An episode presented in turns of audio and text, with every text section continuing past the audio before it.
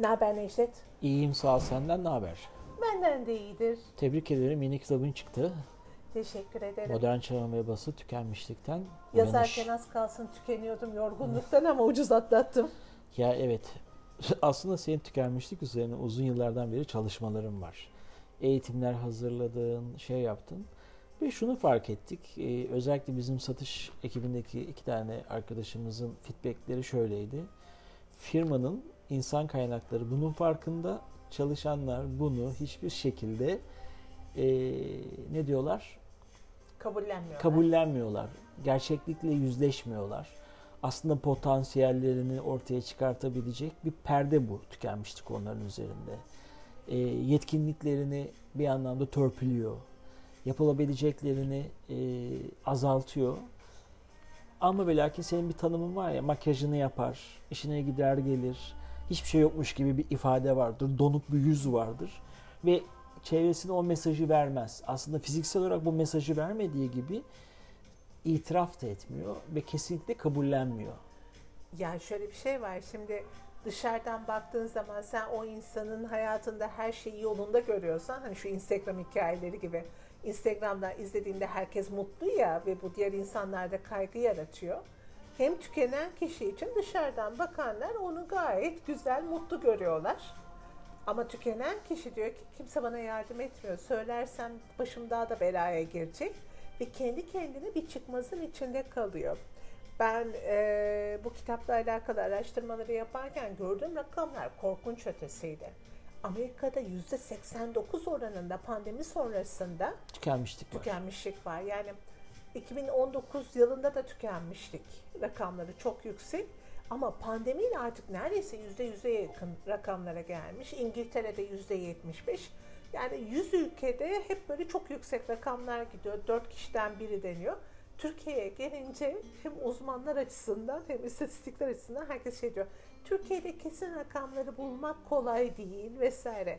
Şimdi bakıldığında gerçekten burada bir dilema var. Yani Türk halkı hep söylüyorum ya biliyorsun kurban toplumdur, ağlak toplumdur. Hep bebek gibi ağlayıp bir başkası onun hayatını kurtarsın ister. Ama buradaki o yetersizlik ve karşılaşma durumunda bunu söyleyemiyor. Bunun altında bence bir, bir iki dinamik var. Tahmin edebiliyor musun? Benim hani tahmin ettiğim e, uzmanlığım açısından baktığımda bundan kaynaklı diye düşündüğüm bir şeyler var. Şey her zaman ergen olduğunu söylüyoruz bu insanların.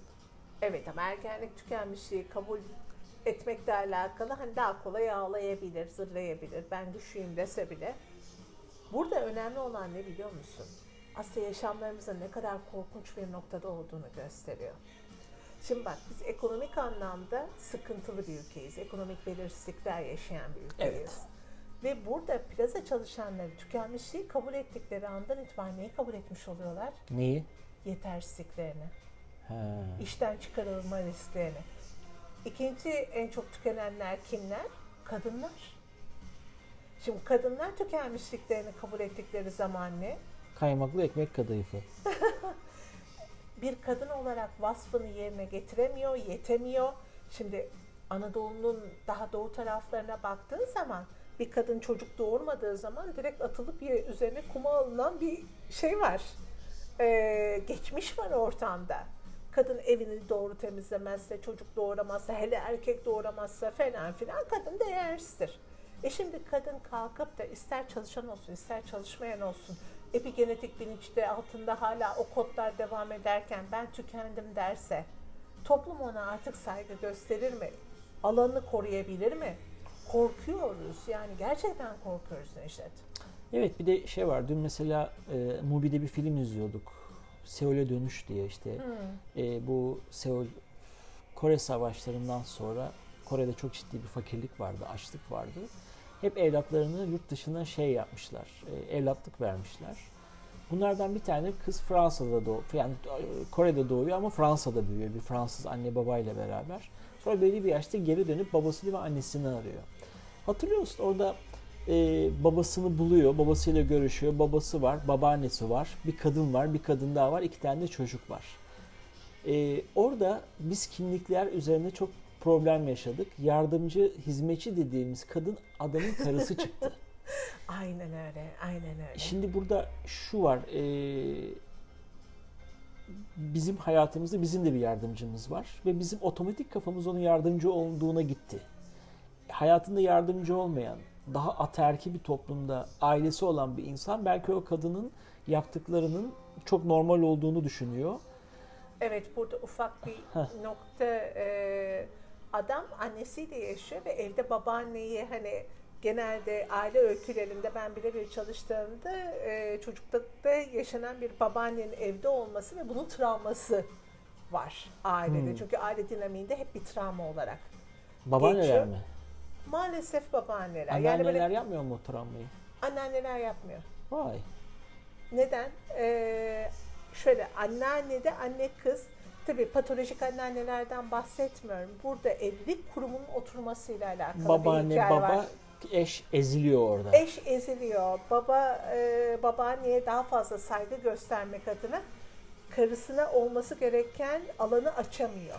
Burada şeyi de fark ettim. Aslında benim de toplumumda yani geldiğim kültürde biz e, göçmen sayılırız. Bir babaanne, baba vardır ortamda. İlk başta böyle çok absürt e, eskiden izleseydim bana çok normal gelebilirdi o manzaralar. Ama artık bana normal gelmiyor. Demek ki değişebiliyorsun yani. Tabii ki, tabii ki yani. Öyle olmasa herkes kendi bölgesine çekilsin, bildiği gibi yaşasın deriz. Ama biz gelişmek üzere zaten hani var olmuş canlılarız. Baksana uçakları, binaları bu şekilde yapabilmişiz. Önemli olan gelişime açık olabilmekte o gelişim açık olduğunda inanılmaz noktalara gidebilirsin Necdet. Anladım. Okey. Yani burada evet dediğin gibi e, oradaki adamın karısını biz hani e, evdeki yardımcı olarak konumlandırdık. Gördük, hizmetçi gördük. Evet. Şimdi buradan gelişmiş olan kadın değişmiş de burada belki de konuşmamız gereken nokta bu kadını alıp bu geçmişten, bu bilinçaltındaki kodlardan ne kadar değiştim dese bile gerçek anlamda değişmediyse plazaya soksan, yönetici de yapsan aynı kodlar devam ediyor. Anladım. Geçen bir tane video izlerken orada e, kuantumla alakalı bir şey anlatıyordu. Hani çift yarık deneyi var ya. E, bak gözlemlediğin zaman e, gözlemci deneyi değiştirir. Değiştirir hikayesi. E, bilmeyenler için bazen e, gerçekten duymamış kişiler var bu olayı parçacık e, dalga mı parçacık mı hareket edecek yapay bir göz konsa bile oradaki ışının fotonun hareketi değişiyor. Evet parçacık hale geliyor. Ee, şimdi yeni bir deney daha yapıyorlar. Aynı ışığın alfa beta diye ışınlarını ya da gamma olacak bilmiyorum ayırıyorlar. Ee, sonda hani bir tane gözlemci koydukları zaman öbür ışığa ve parçacık gösteriyorsa öbür tarafı dalgacıkken o da parçacık oluyor. Vay. Ve sonrasında bunu uzatıyorlar. Yani süresi... Süper ego diyebilir miyiz? Dinle, Dış dinle. gözlemcinin etkisi. Şeyi e, gözlemci kısmını daha çok uzatıyorlar. Yani bu sallıyorum 10 birimde ulaşıyorsa bunu 20 birimde ulaşacak şekilde uzatıyorlar. Dalgacıkken burası parçacık olduğu zaman o da dalgacık oluyor. Dur bunu anlamadım ben. 20 saniye sonra burası parçacık oluyor. Işık anca burası gidiyor. Burası dediğin vardığı yer mi? Evet vardığı yer ve gözlemcinin olduğu yerde parçacık oluyor. Orası dalgacıkken Orası dediğim başlangıç yeri. Ba- diğer şey. Bak iki ışık var. İki ışık var. A ve B ışığı diyelim tamam mı? A ışığını 10 birimlik bir mesafeye yansıtıyorlar. B ışığını 20 birimlik. A ışığı par- şey olarak e, enerji olarak orada gözüküyor. B ışığı gözlemci koyuyorlar ve bu ulaştıktan sonra bu hala devam ediyor ışık yansıtmaya ve vardığı nokta 20 birim zaman sonra parçacıkken o dalgacıktan parçacığa geçiyor bir anda. Ha, yani oluşmuş bir şey bile değişiyor. Sondaki, yani aslında bak bu bana şunu getiriyor. Ya spiritüalizm şu anda kuantumla açıklanıyor. Biz eskiden derdik ki geleceğini veya şu anı değiştirirsen geçmiş değişir derdi. Aynı onu söyleyecektim. Geçmişi değiştiriyor. Geçmişi Oo, siliyor çok orada. Güzel, muhteşem bir şey. Yani bu kuantumda dediğin gibi bir anlamda anlatılmış. Ben de onu şey yapıyorum. Yani şurada şu andaki pozisyonumu yakalayabilmem için geçmimi, geçmişimi değiştirmiş oluyorum. Böylece de aslında şu anda bir şeyler değiştirdiğim zaman geçmişi de değiştirip geleceğimi de değiştirmiş oluyorum bir taraftan. Aynen öyle. Bu da aslında Erhan her zaman söylediği gibi zaman diye bir şey yok. Zaman birbiri üzerine binmiş fotoğraf karelerinin spiral anlamda durmasından ibaret. Onda da çok yeni kavramlar var. Onu da konuşuruz. Uuu, kuantumla geliyoruz. Bekleyin bizi.